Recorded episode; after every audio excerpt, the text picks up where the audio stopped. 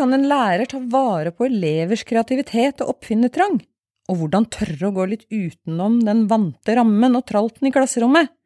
Velkommen til Lærerrommet, podkasten fra Utdanningsforbundet.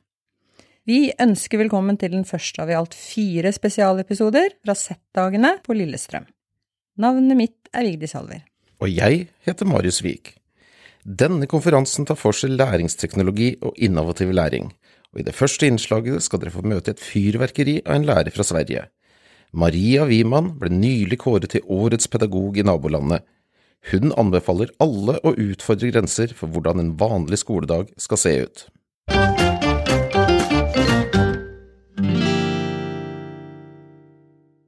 Hej och välkommen till dig, Maria Wiman. Tack snälla, jag är glad att få vara här. Du er lærer ved Østra grunnskolan utenfor Stockholm, og du har i de siste årene holdt mange foredrag og blitt intervjua om hva du mener om skolen i dag, og den tradisjonelle formen den har. Ja, Hvordan synes du skolen i dag hjelper barna til å møte det samfunnet som venter dem? jag tror att skolan idag måste bli bättre på att förbereda eleverna på vad som ska hända när de väl slutar skolan. Som det är nu så är det så att vi, vi är ganska duktiga på att stänga in dem i skolbyggnaden i 12-13 år och sen så plötsligt så, så ska vi förvänta oss att de ska gå ut och ta över världen och vara kreativa och innovativa.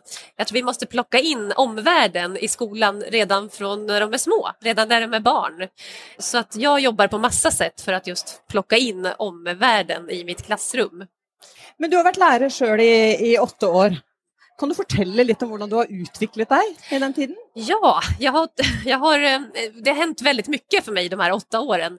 Från att ha varit väldigt traditionell lärare som bara gjorde saker bara för att alla andra alltid har gjort så, så har jag på mer eller mindre blivit tvingad att tänka om. Det var väldigt tråkigt i mitt klassrum. Trista lektioner, eleverna var inte stolta över det de gjorde. Jag fick kasta många elevarbeten, slänga mycket av det som eleverna gjorde i papperskorgen. Jättedeppigt och tråkigt och trist. Eh, så att jag fick tänka om helt enkelt när jag hade varit lärare i fyra år ungefär. Att hur kan jag göra annorlunda så att eleverna blir stolta över det de gör i skolan?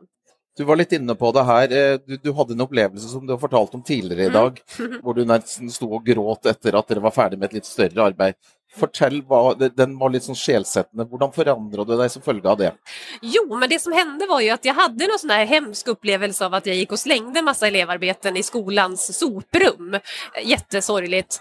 Men eh, det var så himla väl att, att ungefär samtidigt som det hände så fick vi ett projekt på gång i skolan som bara kom av sig självt. Det var eh, eleverna som var besvikna över att Sveriges Television skulle lägga ner deras favoritprogram som hette Geografens testamente som handlade om, eh, om geografi. Och mina elever och hela Sveriges elever, alla elever i Sverige älskar det där programmet. Och när de fick veta att det skulle ta slut, att det inte blir någon till säsong, då bestämde sig mina elever att de skulle förändra och påverka. Och då hakade jag på det, jag, jag liksom var med dem. Idén kom från dem, men jag som lärare hoppade på deras projekt. Och det fick mig att förändra hela min syn på pedagogik och så. Men du har haft många projekt i klassen sammen med elevene dine, men dette projektet var ju speciellt. Kan du fortelle det viktigaste? Var det, vad var det viktigaste dere gjorde i det Ja, rent personligt för mig var det ju speciellt för att det fick mig att omvärdera hela mitt sätt att se på mig själv som lärare och min, min roll i, i livet, i yrkeslivet. Men det blev också ett väldigt speciellt och roligt skolprojekt för det påverkade hela Sverige. Eh, det finns eh, väldigt få personer där ute som inte känner till det här projektet. Vi engagerade, vi var med på tv, pol, kända politiker, vår statsminister gick ut och uttalade sig om det här. Vi fick med massa kändisar, Hollywoodfrun Maria Montazami var vi väldigt stolta över att få med oss. Vi skrev brev och debattartiklar i alla de stora tidningarna. Vi pratade i radio, vi, vi fick åka och debattera på, på Sveriges Television med cheferna och till sist fick vi också vår vilja igenom. Efter ett års intensivkamp så fick vi faktiskt en till säsong av programmet. Och det är ganska häftigt när man är 11-12 år och kunna påverka en sån stor institution som Sveriges Television ändå är. Så att det fick ju mig själv att inse också att det finns oanade krafter bland elever och barn.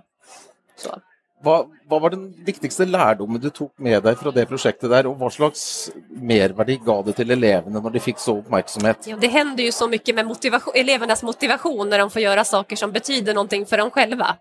Att annars är vi så duktiga i skolan på att dela ut arbetsuppgifter som vi som lärare vet är jätteviktiga, men eleverna fattar inte varför de ska lära sig. Men i det här projektet så var det elevernas själva, det var deras vilja och deras driv som gjorde att de ville komma till skolan. Det var så viktigt för dem att rädda det här programmet så att jag behövde aldrig motivera för dem varför de ska lära sig saker. Det blev naturligt för dem att lära sig debattera, skriva text, prata för sin sak och så. Så att det viktigaste för mig var väl att det blir något alldeles nytt när eleverna får motivation. När de får styra sina egna idéer så kommer motivationen av bara farten. Mm. Och då är du inne på något, alltså, detta har ju stor överföringsvärde. Om du skulle ge tre tips till dina norska lärarkollegor, ja. vad ville det vara för, för att få igång ja. goda projektarbete? Jag tänker, kära norska kollegor, tänk på tre saker då. Den första är, gör det inte så stort. Gör ett litet projekt där ni provar att bjuda in omvärlden till klassrummet, till exempel genom att skicka in en text till en tidning, eller om ni har läst en bok, skicka en, eh, ett, ett, ett brev till författaren, eller om ni, om ni har ritat en teckning, ställ ut den på ett galleri, konstgalleri. Att man på små sätt börjar med att ta sig an omvärlden. Det är tips nummer ett. Tips nummer två är ta med eleverna i planeringen. Gör inte allt jobb själv, för eleverna har ju jättemycket idéer och planer om vad de tycker är viktigt. Så plocka in dem tidigt och fråga vad tycker ni att vi ska göra med den kunskapen som jag kan ge er? Vad vill ni göra med den? Och sen nummer tre, och den är nästan viktigast, var modig.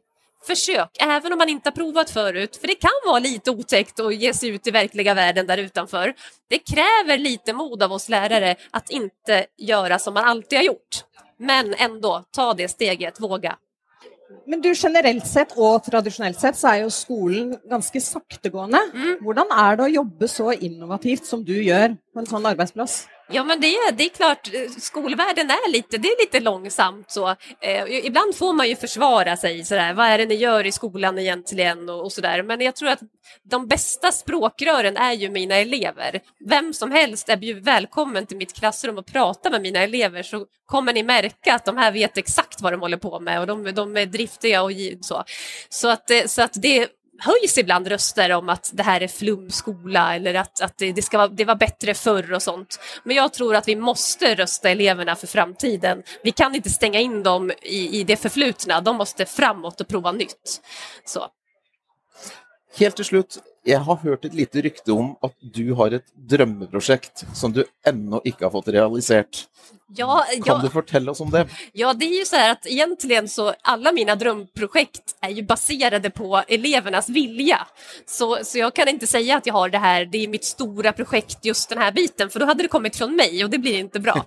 så mitt största drömprojekt det är när eleverna själva kommer till mig och säger, vet du Maria, det här måste vi förändra jag blir jättearg när jag hör det här eller det här är helt fel, vi måste göra någonting åt det. Det är mitt drömprojekt för då har jag värsta guldläget och kan börja planera och fixa så att det blir bra motivation i klassrummet. Och med dessa orden så säger vi tusen tack till dig, tack Maria Lyman. Tack. tack för att du ville komma hit till Stanvor och tack för att du ville vara med i lärarrummet.